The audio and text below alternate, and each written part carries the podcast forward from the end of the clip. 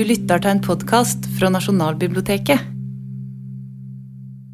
Under vignetten Min kilde så har vi på Nasjonalbiblioteket en serie hvor vi inviterer historikere eller sagprosaforfattere til å ta med seg en slags eh, yndlingskilde eh, og fortelle oss litt om den og hvordan de har brukt den. eh, Med det mål at vi skal lære litt om det temaet, men også om hvordan historie skrives, og om hvordan noe lite kan kaste lys over noe stort. Og jeg sa historiker eller sakprosaforfatter, men i kveld så har jeg vært så heldig at vi har fått eh, en av Norges mest anerkjente sakprosaforfattere, som også er historiker. Hjertelig velkommen hit, Aivo de Figueiredo. Takk. Du er jo eh, kanskje aller mest kjent for din store Ibsen-biografi, som eh, annet har kommet på engelsk på Yale University Press og vunnet mange priser osv. Eh, men nå har du altså gitt deg i kast med en annen av våre aller største kunstnere. En annen nasjonalskatt, nemlig Edvard Munch. Jobber med en biografi om han. Eh, hvordan går det? Er det lov til å spørre om det? Eh, Det går eh, bare bra, takk. Eh, Det er et prosjekt som er kjempesvært. Mye større enn Ibsen. Jeg har sittet med det i tre år og kommer til å sitte en stund til. Så det er veldig fint å bli trukket ut av munkecella, for det er det jeg lever i. I arbeidet med denne biografien her. Og hvorfor er det større enn Ibsen? Hvordan spør om det? Det er større fordi eh, Ibsen var en ryddig kar som skrev 27 skuespill sånn i pen rekkefølge.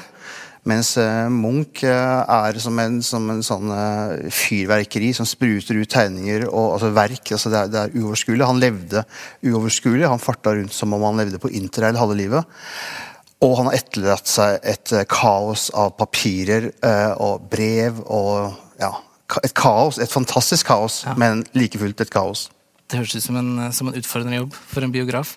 Eh, Ja. og det er en, et av de mange papirene du har tatt med, med til oss i dag, som vi har i faksimile her. Hva er det her det som gis litt sånn metadata, som det heter på bibliotek? Ja, nei, dette, dette var et tøft valg, for det er så mye jeg kunne ha valgt. Men jeg valgte nå dette lille notatet av Munch som han skrev eh, vinteren eh, 1889-90, mens han bodde i eh, St. Cloud utenfor Paris. Eh, et viktig periode hvor han begynte, så vidt du vet, å, å skrive mer systematisk.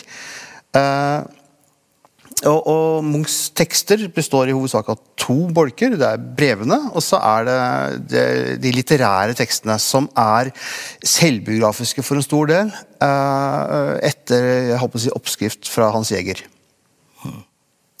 Har du lyst til å begynne å lese? Det er fire sider totalt. Har du lyst til å lese første for oss? Jepp, det skal jeg gjøre, og da leser jeg ikke de kråketærne der.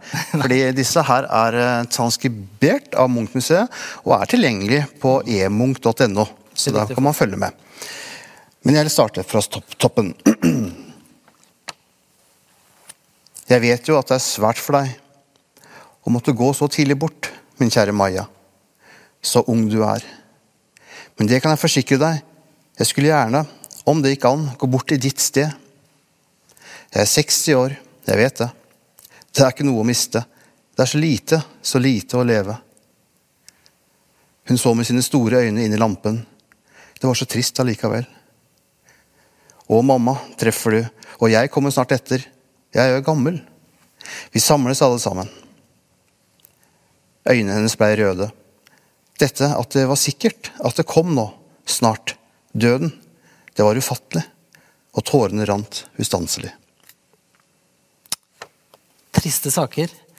Eh, du må kanskje begynne med å spørre hvem er det som skriver det her? Hvem er Munch når han skriver det her? Hvor er han i livet sitt?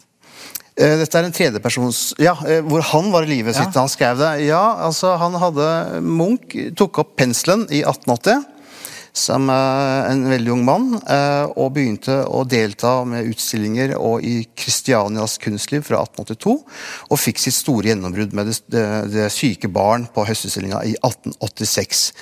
Eh, Så dette er Munchs første fase, hvor han da er en del av den naturalistiske generasjonen, og, og, og i for seg sprenger det formatet. Men han er nok på jakt etter et kunstnerisk program og en retning framover den vinteren hvor han drar til Paris. Han er en tur i Paris i 1885, eh, men det er bare en kort studietur. Men høsten 1889 da drar han for å lære eh, og fullføre sin utdanning. Eh, Mens han er der, i desember, så dør faren. Han er fattig, og han er utafor. Eh, han vil ikke gå på skole som de andre. Og han flytter ut av bykjerna i Paris og bor der i noen uker aleine og er syk og deprimert. Og skriver, begynner da å, å, å, skrive. Og veldig mange av de tekstene vi har om hans liv, eh, hans unge liv, har vi, altså kildene er han sjøl. Og det er høyst tvilsomme kilder. Eh, hvis man skal lese dem for sitt pålydende. Og, og, hvorfor begynner han å skrive, tror du? Ja, det, er en, det, er jo en, tanke i tida. Eh, nå skal det sies at Han har én kamerat som han møter der eh, ute i St. Cloud. og Det er en dansk, eh, ung dansk jødisk dikter som, heter Emanuel, som het Emanuel Goldstein. Det var en underlig skrue som skrev en diktsamling hele livet, og den skrev han til om og om igjen. Og den handla om den første kjærligheten som han ikke fikk. Det var hans livsprosjekt. Så de har samtaler som nok har påvirka Munch en del der ute. Om både det ene og det andre, men ikke minst om tapte kjærligheter. Uh, og Man kan tenke seg at, at, han inspirerer Munch til å skrive, men, det, men, men det har jo altså på forhånd så har jo Munch kommet fra Kristiania, hvor han har vært i utkanten av Kristiania-bohemen, hvor Hans Jæger jo da er den som har proklamert dette at man må skrive sitt liv. Så, så det er en tanke i tida at han griper til pennen. Mm. Og du sa det at han hadde på en måte slått igjennom. Eh, så så på et vis er det liksom at han, eh, han har fått en slags bekreftelse på at uh, han har noe å fare med. Men så må han jo på en måte videre derfra. Det er liksom til den, den vanskelige andre boka, som de sier i litteraturen, eller den vanskelige andre plata i musikken. At han liksom må bygge videre på det og finne ut Altså, Munch var sin generasjons Dux. Han var den beste uh, av sin generasjon. Uh, og, og løfta fram av alle. Som var enorme forventninger til ham. Eh, med de syke barn så hadde han malt et uh, uhørt bilde. Han hadde begått en overskridelse. Han hadde måttet etablere seg som en avantgarde. Men det er ikke så greit å være avantgarde helt alene. Du må ha en retning, du må ha et program. Så det som skjer etter dette første maleriet, som vi skal snakke om senere, mer i detalj, som er så radikalt nytt, og som overskrider selv også naturalistenes uh, program Ja, det som skjer etter det, er at han trekker seg tilbake og, og maler i et tryggere formspråk, og jeg tror det har å gjøre med at eh, for å bryte normene, særlig på den tida hvor kunstens regler var mye strammere enn det vi, det vi har i dag, så må du vite hvor du skal hen. Så han leiter. Mm. Det gjør han i og for seg veldig mye i hele sitt liv. Han er en mann som leiter hele tida. Leiter etter nye løsninger, etter nye former. Eh, dette er den første virkelige søkende perioden hvor han forsøker å finne fram. Og han gjør det da Det er som om han måtte gjøre det gjennom skrift og tanker før han gjør det i kunsten. Jeg kan tenke meg at det å liksom få den tidlige, store suksessen må jo på en måte være ekstremt stimulerende, men det kan jo sikkert også være veldig, oppleves veldig skremmende. Liksom, hvor tar du det derfra? Ja, Han virker altså ikke skremt, denne mannen. Uh, og det er det som er noe av det merkverdige og fascinerende ved ham, er at han er så avantgardistisk så tidlig og så innstendig holder på det. Det er noe av det som jeg aldri helt klarer å forklare, hvor han har dette motet fra. For dette er en form for mot eh, som han høsta respekt for, men som også krevde at han fulgte opp. Um, ja. ja. Og Hvis vi går tilbake til teksten, det er jo litt uklart uh, hva det er som skjer her. Det er noen som dør, det såpass skjønner vi, men det er litt uklart hvem. Og det er snakk om at jeg er 60 år, selv om vi vet at Munch var mye yngre mm. da han skrev det. Hva, hvordan skal man For dette er en tredjepersonsfortelling om mannen som er 60 år, som forteller, eh, har den første replikken der. Det er hans far, Christian Munch. Han skriver fra sin fars sted? Ja. Mm. Har du lyst til å lese de neste to sidene også? Mm, neste to sidene i ett? Ja, like greit. Ja. Det var aften. Maja lå het og rød og brennende i senga. Øynene funklet og gikk urolig om i værelset. Hun fantaserte. Kjære, søte deg, Kalemann, ta dette fra meg, det er så vondt. Vil du ikke? Hun så bedende på ham. Jo, du vil. Ser du det hodet der? Det er døden. Det var natt. Kapteinen sto ved sengen til guttene. Dere må stå opp nå, guttene mine. De skjønte alt, og kledde seg stille på, spurte ikke om noe. Min elskede Maja, jeg må si det, Herren tar deg snart, til seg. Det gikk et trykk i henne, så døden. Så tok hun seg sammen og spilte litt. Ville du gjerne leve? Ja, hvisket hun. Jeg skulle gjerne. Hvorfor, lille Maja? Jo, det er så hyggelig her. Syng salmen, Maja. Hun hvisket nesten uhørlige ordene. Nå ville vi oss samle. Skulle hun da virkelig dø? I den siste halve time følte hun seg nesten lettere enn før. Smerten var vekk. Hun forsøkte å reise seg opp, pekte på lenestolen. Der sto ved siden. Jeg vil prøve å sitte opp, oppi, hvisket hun. Hvor underlig hun følte seg. Værelset var annerledes. Sett som gjennom et slør. Det var som bly i lemmene. Hvor trett. Her er det mye som skjer. Det er til og med strøket over store deler. Ja. Hvordan, eh, hvordan forholder den til det som eh, historiker og biograf? Vel, Munch skriver som han maler. Du, øh, han viser prosessen, hvordan verket har blitt til. Um, når jeg skriver biografien min, så har jeg mange av disse passasjene. Blant annet når jeg siterer herfra, så har jeg med disse overstrykningene for å vise at det, dette er ikke hugget i stein. Dette er Munch som tenker når han skriver. Mm. Skrifta, du ser skrifta har denne nervøse, hastige, og som er så veldig typisk for Munch. Og det er det samme når han skriver brev. Når han skriver brev til folk, så er det gjerne 10-15 utkast for, for, hvert brev. Men han vil likevel liksom vise fram arbeidet som gjorde at han, at han kom dit? Da. Ja, nå er jo dette her eh, håndskrevne materiale, så det har aldri vært ment å rammes inn. Han utga jo ikke disse tekstene, det var bare noen små brokker han langt langt seinere uh, utga. Han hadde nok ambisjoner uh, på ulike stadier av livet om å utgi noe lenger, uh, men, men, det skjedde ikke. Eh, men maleriene så er det jo et stort tema både i samtida og seinere at, at, at, at, han eh, stilte ut uferdige malerier. Um, det var en stor kritikk selvfølgelig den gangen, at de var uferdige. Teksten er også uferdig, så selv om det ikke er ment for publisering som de er, så er det den samme, samme holdninga til stoffet og til arbeidsprosessen som du kan se i tekstene. Og så er det, no, det er noen karakterer holdt jeg på å si, som dukker opp her. Det er uh, Maja, og er den som heter, og Karlemann og mhm. Kapteinen. Mm. Kapteinen er da far sjøl, uh, uh, Christian Munch. Karlemann er Edvard. og Maja er hans søster Sofie, som ligger for døden med tuberkulose.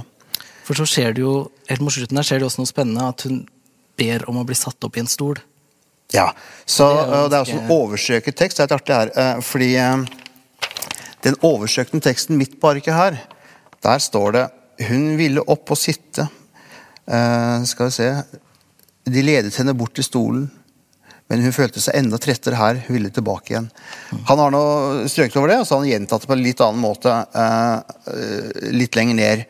Uh, og dette er jo motivet i Det syke barn. Ja, da kan vi jo avsløre ja. det bildet. at han, Da skriver han på en måte fra at hun ligger i sengen, så kommer hun opp i den stolen, som er motivet fra det maleriet? Ja. I, i dette maleriet og det senere maleriet Vår så er det en syk jente som sitter uh, i en stol med en stor pute bak seg, uh, tuberkuløs, og ser ut av vinduet i Vår, og her, da, som vi ser, sammen med, med det som skal være moren.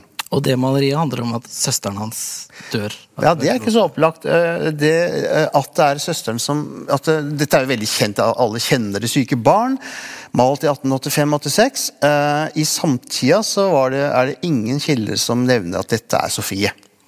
Sofie døde altså i høsten 1877, da hun var 15 år og Edvard var 14. Så det var storesøstera som, som, døde. Uh, men ingen uh, Modellen til jenta er, en jente fra Grünerløkka som het Betzy Nilsen, som hadde dette rette, rødhåra, bleke utseendet og satt modell. Og modellen for moren er tante Karen. Som tok seg av familien Munch, altså ungene i familien, etter at moren Laura døde. moren døde i 1868, så alt det her, det er to tuberkulosedødsfall bak i, i, så langt i familiens liv. Men teksten er jo skrevet eh, 1890, eh, og den nevner heller ikke Sofie. Det første jeg har så langt kommet over Jeg er ikke helt, er ikke helt ferdig med å gå gjennom alle kildene, men jeg kan foreløpig ikke se at, eh, at, man nevner, at Munch nevner eh, eh, Sofie i forbindelse med Det syke barn før etter år, århundreskiftet. Så det er liksom noe med at fortida og kunsten han har lagd hans egen fortid, og kunsten han har lagd i sin egen fortid, blandes inn i det øyeblikket han sitter i i nåtid. Hvor han forsøker å på en måte jobbe fram en slags kunstnerisk eh, prosjekt for seg selv. Da. Altså, når du jobber med Munchs biografi, så må du jobbe to veier, som han gjorde. Han levde si, framover, som vi alle gjør, og var jo en avantgarde. Han malte for framtida. Men han jobber samtidig, og mer og mer etter hvert, bakover. Altså, I tekster så går han bakover eh, og ordner opp i sitt eget liv kunstnerskap og syr ting sammen. Eh, og da er det jo farlig å bruke de kildene som han har skrevet eh, som en gammel mann, som kilder til samtida i ungdommen. Eh, fordi jeg er forma av den gamle mannens blikk. Og det han veldig tydeliggjør, er at han da, i retrospekt gjør det syke barn til et slags opphavsbilde til hele kunstnerskapet, hvor alt henger sammen. Og alt gir en meningsfull utvikling. Men det er jo da selvfølgelig en etterpåkonstruksjon som kommer da suksessivt gjennom kunstnerskapet. Han er tilbakeskuende egentlig hele tida, så det er, det er altså et uh, puslespill å prøve å se disse her eh, når, når de ulike mytene og forestillingene blir skapt langs denne veien. Men vi, vi, det er jo helt rimelig å anta at han hadde Sofie i tankene da han malte det. Det kan vi jo bare tenke oss. At han brukte tante Karen som Eh, som eh, modell. Eh, gjør det samme, men samtidig så er det jo klart at Det syke barn var et, et, et, et veldig kjent motiv. Et sentimentalt motiv som du kunne finne i rein kitsch-versjon. Christian Krogh malte Det syk pike. Hans Heyerdahl det, døende barn noen år før. Så det jeg tror Munch jeg tror han gjør her, for her kan vi bare spekulere, er å ta et ganske sentimentalt, kjent motiv, og, som folk kjenner igjen, og som berører hjertet? Det, det døende barn, og kombinere det med en utrolig radikal form. Akkurat som om man vil forvirre og forføre publikum uh, ved at man både skal bli rørt og provosert på samme tid. Ja, for Du snakka om det før, at det bildet er så, et uhørt bilde, kalte du det. Mm. Hva er det som er så overskridende i hans tid med den måten å male på? Ja, først må jeg virkelig si at Dette er ikke helt det samme bildet som, så, som folk så den gangen. fordi Han gjorde han retta litt på det uh, senere.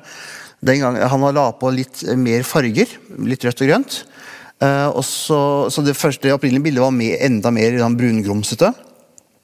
Og så Eh, var det noen rennende striper som vi kjenner fra anmeldelsene, som tydeligvis er fjerna eh, siden. Men ja, nei, for å forstå det, så må vi forstå hvor, igjen, fast, hvor faste eh, forventninger mennesker har, har hatt til kunst, eller alle kunstarter.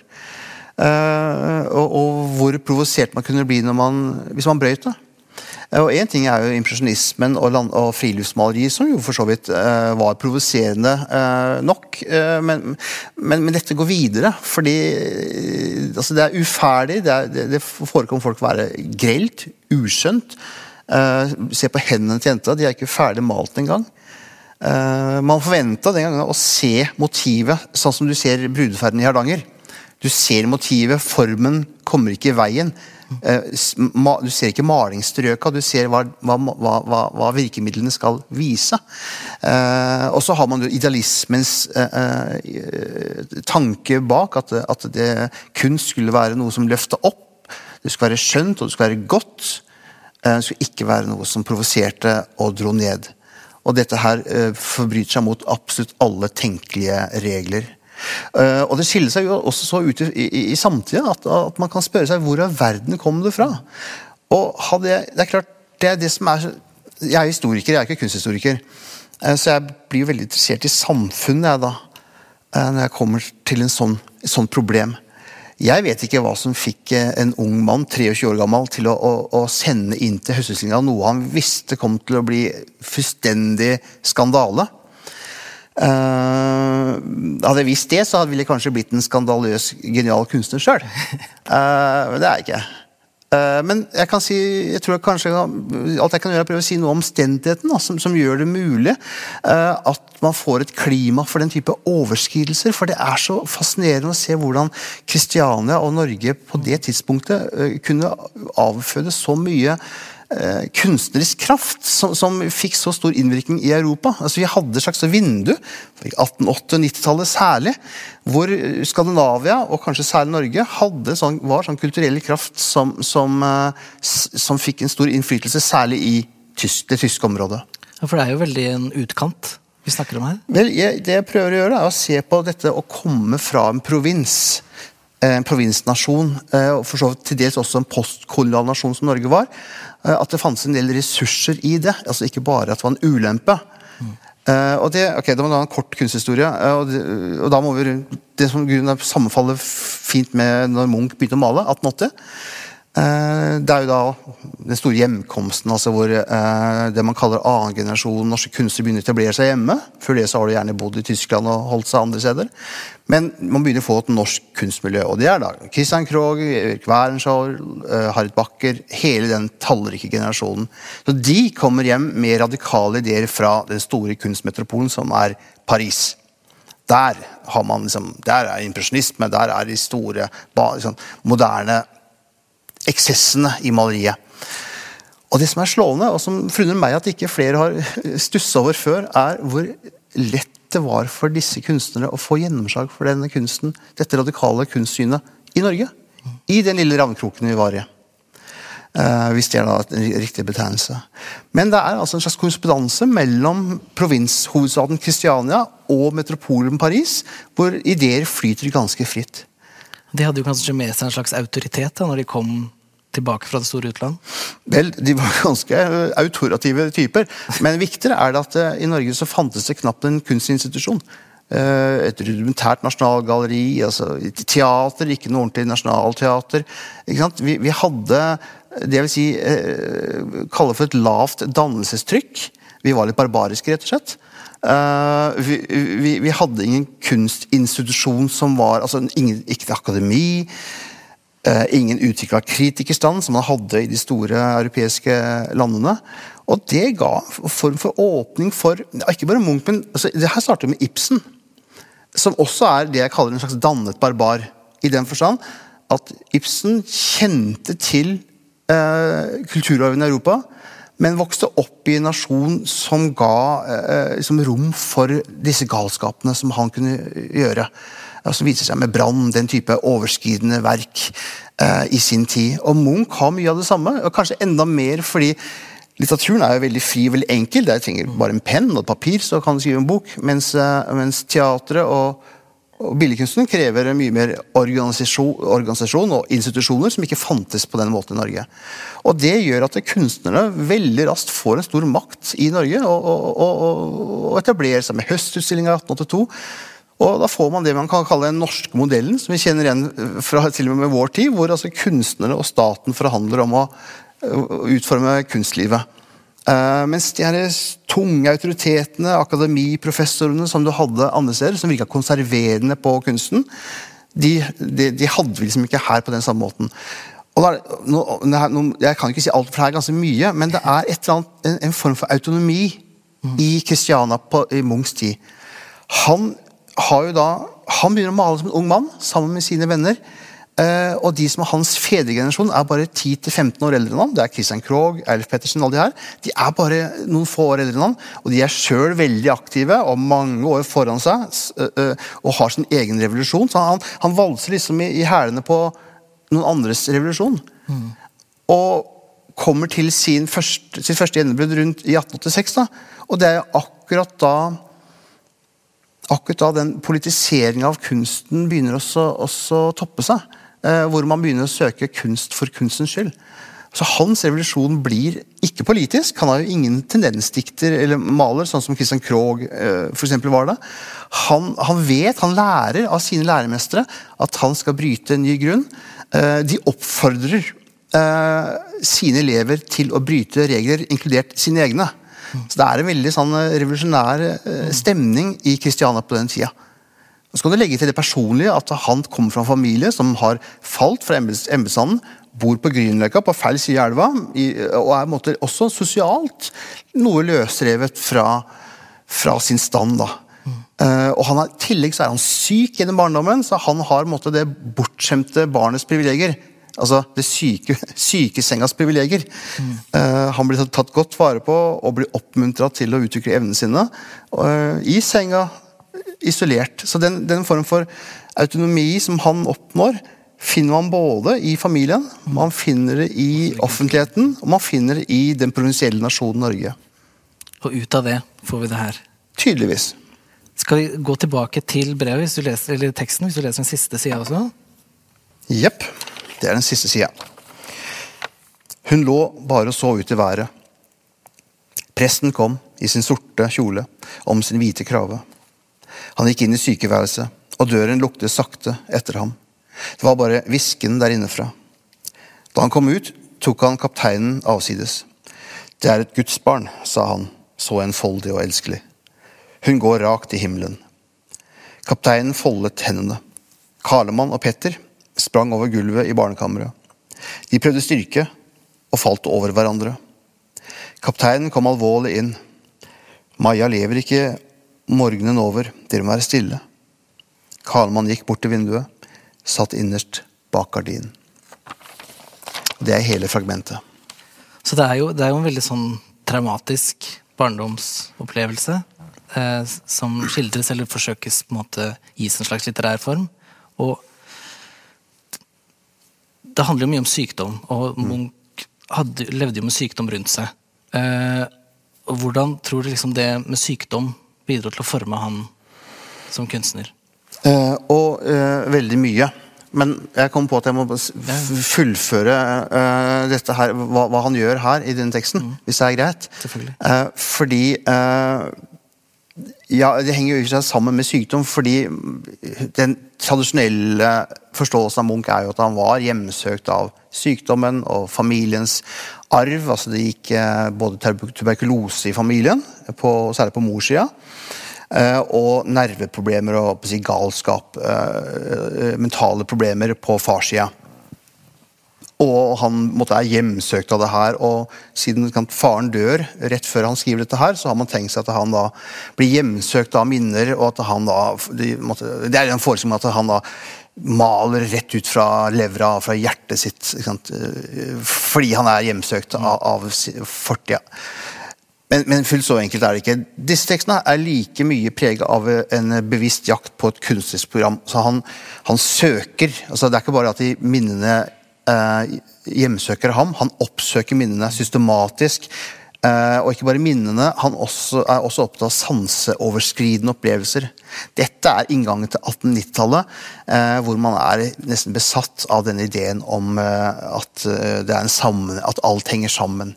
Eh, kropp og sjel, sjel og kosmos, naturen og mennesket. Det er motreaksjon på den eh, liksom beinharde, kalde positivismen. Altså Darwinis, Darwins funn, eh, eh, naturvitenskapenes framgang, som, som, og den teknologiske utviklinga eh, i det moderne samfunnet, som er jo både fascinerer mennesker og overbevise mennesker. Det var vanskelig å avvise utviklingslæra osv. Men samtidig følte man at man måtte bli frarøva sin sjel.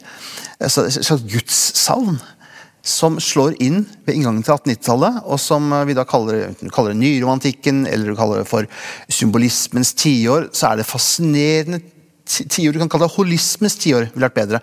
Man forsøker å, måtte, å samle verden igjen. Eh, det har mange retninger. Antroposofi, spiritisme, teosofi. Alt går på en måte ut på det samme. Å prøve å hele verden igjen. Ikke ved å sette opp noen motsetninger mot vitenskapen, men ved å se sammenhengen. Så man blir intenst opptatt av alt som har med elektrisitet å gjøre. For det er jo magisk. Det, det er jo et, magiske krefter som binder oss sammen. Dette er New Age eh, original tapning. Eh, og det samme og, og, og med da ja, Man sier at det er erindringsbilder, men han er altså veldig opptatt av hvordan da sansene henger sammen. Og minnene eh, også henger sammen. Så, så, så Derfor går han altså inn i, i søsterens sykdomssituasjon, men også i sine egne sykdommer. Jeg tror han skriver mange av disse tekstene mens han sjøl har feber. For Han er opptatt av hvordan fargene og hvordan rommet endrer seg. og Hvis du ser hva han skriver om eh, om Maja. At hun, at hun ligger der og, og, og, urolig og, eh, og fantaserer, og hvordan fargene endrer seg. Altså, dette er mange tekster man skriver om hvordan sansene liksom, forvrenges. For han er opptatt av dette grenselandet og denne sammenhengen mellom mennesket og ja. Og du snakka om at det liksom Nei, for, for. Ja, ja. Nå, Nei, du snakket om at den romantiske ideen er at han, han hjemsøkes av disse minnene. Fordi det bare blir sånn, mens det du sier er at han, han vil gjerne hjemsøkes. Jeg tror han ble hjemsøkt for faren døde, og det var nok veldig veldig vondt. Det var en veldig komplisert forhold til faren sin, så det er ikke noe enten-eller her. Nei. Men det inngår altså i en, i en, eh, en bevisst søken. Og det er viktig hvis, man skal, hvis noen her ute vil skrive en ny biografi om Munch. Det, det må man bare gjøre. Så vil jeg gi et råd. Og jeg husker at det, uansett hva Munch snakker om, uttaler seg om, gjør, så handler det om én ting, og én en eneste ting. Hans egen kunst. Alt han gjør. Uansett om det er noe grusomt, om man, sett, om man kommer i en sl- fylleslagsmål på en, en bar, så vil det være del, noe han bruker, eh, formidler som en del av kunsten, men også oppbygging av på eller kunstnerpersonaen. Alt dette henger sammen. Så, så det gjør han også med sin egen familie. Eh, at hun dør av tuberkulose, det er ganske, da kan vi inn på sykdom. Du har disse to. Du har nerver, og du har lunger. Tuberkulose, og du har eh, det man den gangen veldig enkelt kalte nerver, som kan være en samlebetegnelse for alle mentale eh, problemer. Eh, motebetegnelsen den gangen var forresten neurasteni. Et begrep som oppstod i USA på 1860-tallet, og som sprer seg veldig i Europa på 1880-tallet og framover. Og det er rett og slett en sånn, eh, litt sånn uklar diagnose eh, på eh, det man oppfatter som eh, umuligheten av å leve i et moderne samfunn. Altså alle disse Kaskaden av inntrykk som det industrisamfunnet som å påføre mennesket, er for mye for mange, og, og, og, og, og man får utslag som utmattelse, eh, tretthet, li- livslede osv. Dette høres veldig kjent ut eh, i dag. Og Munch led av nevrasteni, da, eller? Identifiserte han seg selv første, som en som Han ville ikke brukt det ordet, og det er interessant. Eh, ordet kom på mote. Eh, den norske kritikeren Andreas Aubert skriver rundt denne tida, jeg husker ikke den nøyaktige årstall, men rundt 1890, så sier han at Munch er en typisk nevrasteniker. Men Munch gjør ikke det. Og det er ganske viktig, fordi han ja, altså, Han ser på sykdom, og til og med galskap, som en form for ressurs. Eh, så lenge han får lov til å definere det sjøl. Men la oss ta det i rekkefølge. La oss ta lungene og nervene eh, først. for Nå, roter jeg litt med kronologien, fordi det er en kronologi. Lungene, tuberkulosen, er jo romantikkens, høyromantikkens sykdom. Det er også en slags ressurs. Den bleke kunstneren som, som har en sånn hvit, gjennomskinnelig hud. Eh, noe eterisk ved seg, som om han står i forbindelse med noe himmelsk allerede. Det er en, eh, Susan Sontag har jo skrevet en hel bok, eh, eller egentlig en halv bok, om eh, tuberkulosens eh, metaforikk. Eh, og det passer veldig godt til Munch. Han har denne romantiske sida ved seg, og beskrivelsen av Sofies død passer veldig godt inn i en sånn type uh, tuberkuløs metaforikk. hvor den, ja for Tuberkulosen først ramma jo unge mennesker. Uh, I en tid med høy dødelighet så var det akkurat som mellom, når det var ikke, mellom 8 og 14 år, så skulle de jo leve. Men tuberkulosen ramma ofte de unge menneskene. Så det var desto mer tragisk. Uh, Men selve tuberkulosen har jo en sånn, slags sånn skjønnhet over seg. Vel, den, så, den var selvfølgelig ikke så skjønn eh, i virkeligheten, eh, men man hadde sterke forestillinger om at det var noe skjønt. Altså at, at det barn, eller voksne, unge mennesker, lå der blekt og døde sakte, med, med, med en hud som ble blek og nesten transparent. Eh, det var fukt i lungene, fukt eh, Og sykdommen trodde man kom fra fukt i lufta. Så, så man, kroppen ble oppløst på et vis for å sette sjelen fri. Eh, det døende barnet eh, eh, får sin egen vri. altså Det døende barnet blir klokt og sier vise ting. Trøstens ord. Dette finner vi i litteraturen også. Og, og, og, og, Sofie tillegges jo en viss hun trøster liksom rundt henne. Himmelen kan liksom ses i det skinnet i øynene hennes. Den unge Munch, eh, som vandrer rundt på Karl Johan som en litt sånn aristokratisk dandy, eh, er også en blek altså han, han, går som en sånn gjenoppstanden eh, Lasarus fra graven til Gran. På en sånn, så på en, den type romantiske vise. Så Det er en arv man har da fra høyromantikken, og som man finner personifisert i moren og søstera. Den ene søstera altså Sofie. Og så har du faren, Christian, og den andre søstera, Laura. De har begge sterke nevrotiske tendenser, og, og begge også, eh, særlig Laura, store mentale eh, blir mentalt syk. Der har du nervene. Eh, som Munch mer og mer eh, identifiserer seg med. Så det tuberkuløse ved ham, eh, imaget der, det, det fader litt ut. Du ser det sist i, et, eh, ja, i selvportrett med sigarett fra 1895. Så har du litt av det her imaget. Men så blir han mer og mer av en nervebunt. Uh, men det er viktig for Munch mm. at, ikke, at, han blir sett på som en nervøs kunstner. Mm. Og Går man til idéhistoria og, mental, uh, og mentalitetshistorie, så ser man at det dette er jo et, fenomen. Et elitefenomen, kan man si. Det å være nervøs. Det var en, en, adekvat reaksjon på det moderne liv for et skapende menneske. Mm. Uh, og, og når jeg da, Munch hadde store krise er fra 1902 til 1908. Og der er det altså så mye nerver. Og det er bare nerver for nerver er, og da mener jeg nerver altså det betyr ikke, det er, altså Har du nerveproblemer, så betyr ikke det at du er syk i hodet. Det er rett nervene som brister.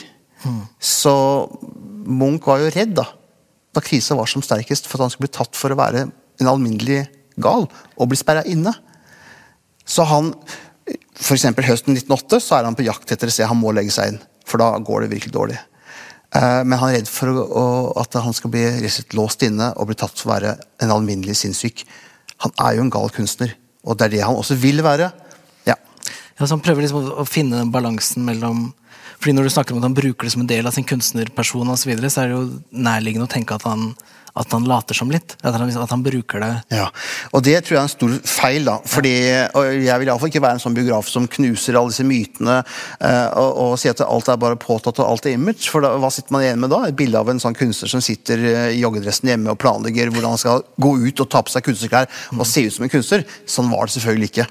Uh, dette er sterkt selvopplevd og, og, og erkjent, og, og, vi må jobbe litt for å forstå hvor virkelig dette, dette, kan ha vært for Munch. Samtidig er det klart at det er en form for dramaturgi, en form for uh, performativ side ved hvordan disse kunstnerne levde. Se på Hamsun, som gjør så mye rart. Han gjør like mye pussigheter som romankarakterene hans gjør det.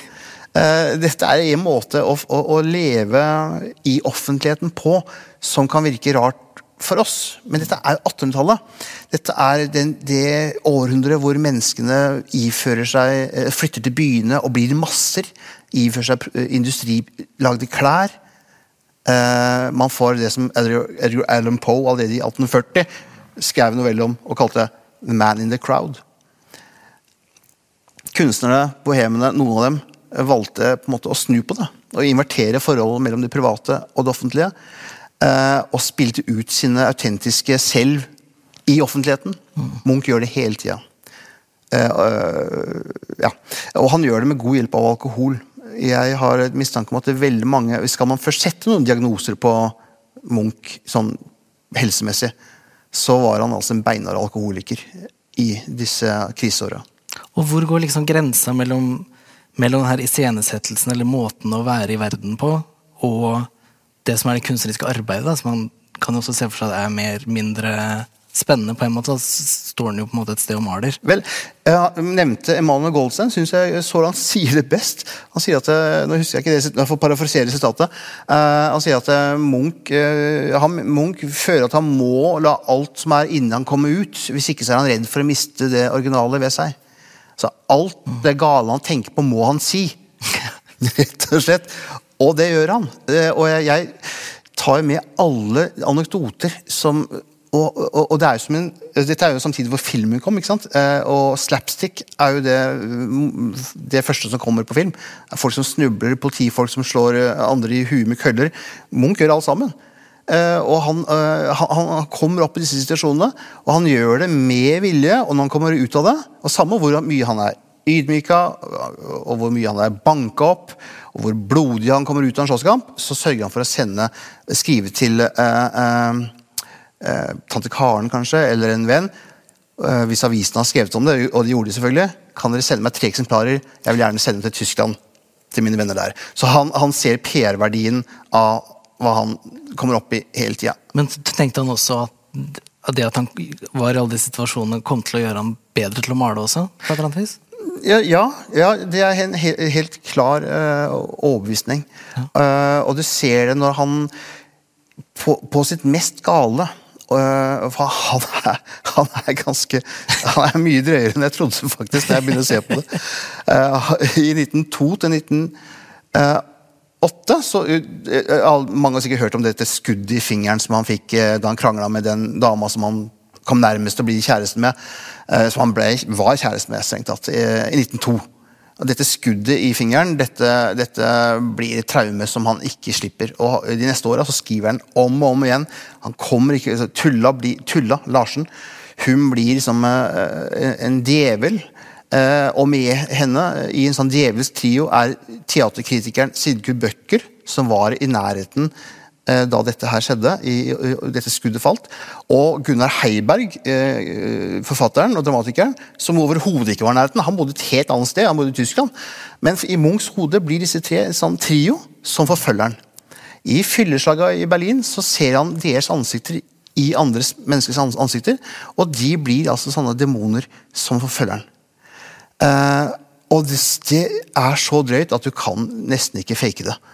Uh, og, men du ser at han bruker dette her i kunsten.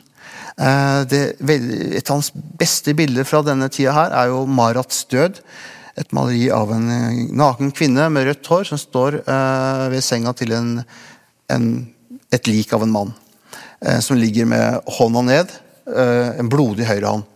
Det er et bilde som eh, Det er åpenbart eh, skuddsåret i handa. Eh, et bilde som minner veldig om Caravaccios Kristi begravelse. For det er jo, han har allerede vært gjennom en Kristus-identifikasjon. altså Kunstneren er en Kristus som må ofres. Ofre seg selv for å skape kunst. man kan si at det er oppskrudd. man kan si mye rart. Dette er en teatralsk, patosfylt tidsalder. Men den har skapt kunst som berører ennå. Hvis vi skal dra det litt uh, tilbake igjen til utgangspunktet, så, så, da kan man kanskje si at den kilden her og det brevet det er et eksempel da, på Munchs metode. Og hvor hele hans liv, alt det han gjør, går inn i en slags kunstnergjerning. Det er en veldig konsistens i utviklingen hans, jeg syns det. Men det er noen tilstramninger Uh, altså han gjør mange han, han gjør det, altså han er også sånn som tester ut ulike stiler, og ser man strengt på det, så uh, her har han tydeligvis ikke vært helt seg selv. altså Han begir seg inn på prosjekter som ikke passer helt inn i, i måte, den han er. Men, men som, met, hans, metode, hans, metode, hans eh, holdning, er ganske konsistent. Men etter han treffer denne Tulle Larsen i 1898, og de følgende åra er han ikke så produktiv. og Da har han en stor krise hvor han løper, hvor egentlig hun løper etter han, og han løper motsatt vei. Um, og de, de åra der så utvikler han en type Det virker som han strammer til denne kunstneridentiteten sin. Uh, og han begynner å, bli eksplisitt med sine Kristus-identifikasjoner. Kunstneren er en Kristusfigur som ikke kan ta del i det jordiske, men må vie seg det, det hellige, altså kunsten. Så den, den, strammes til, på en måte. Uh, og egentlig er det jo det her avantgardens posisjon. For, uh, som jeg åpner med å si, at han var så tidlig, markerte seg så tidlig og så voldsomt som en avantgarde. Uh, så hva er avantgardens oppgave, uh, egentlig? Jo, det er jo å selge til publikum de bildene de ikke vil ha. Avantgarden er framtidens kunstner. Um, overbevise publikum om at det han lager, er det som er framtida? Ja. For hvis han selger for penger, så er han jo en kommers. ikke sant? Uh, dette er jo varesamfunnet. Bildet var jo varer, men han skulle være noe bedre enn en kjøpmann. Uh, så hvordan er det avantgarden skal selge til publikum det de ikke vil ha? For han må jo selge til publikum. Han må selge. Han er helt besatt av å skulle selge. Uh, han vil tjene penger. Men hvordan gjør du det? Jo, du må heve deg over markedet og massene som en Kristus på korset. Og først ved å heve, være heva over det hele, så kan du selge bildene dine til massene og markedet. Eh, så helt til sist, hvordan, hvordan har du brukt det her sånn rent praktisk? Og liksom har du noen refleksjoner om hvordan hvordan du som biograf kan forholde deg til noe sånt? da? Det Problemet med dette dokumentet er det samme som er problemet eller utfordringa med hele Munch. Altså, både se gjennom strategien hans, mm. ikke gå på bløffene. Han, han, er en luring. Men samtidig finne alvor i det. Ja. ja. At det er noe ekte i bløffen òg. Ja, altså, ja. Eh, og, og, det er jo det som er litt gøy, som gjør det veldig gøy å skrive det, særlig hans biografi er at den altså, vi som skriver sakprosa, vi er jo bundet til kildene. vi kan ikke, det er, alltid, det er alltid, Hvis noen dør, så kan du banne på at de dør før de dramaturgisk sett burde dø. Det det er, vi kan ikke pakke det inn i en slags romanform. Men hvis man følger, hvis man tenker som jeg gjør, at historien er, ikke, er det som skjedde, men det er også våre menneskelige forestillinger om hvordan ting henger sammen. Og Hvis du får med begge de elementene, ja, da kan jeg i Munchs tilfelle eh, bruke hans dramaturgi på seg selv. Eh, avsløre det, skrive med og skrive mot. Fordi det er jo Det er jo noe dønn alvorlig i det hele. Selv i det performative. Det er sannheter selv i løgnene han kommer med. Kanskje kronen på eh, kunstverket som var Edvard Munchs liv, blir din biografi, eh, Aivo. Vi gleder oss til den kommer. Tusen takk for at du kom hit og snakka med oss. Takk for i kveld.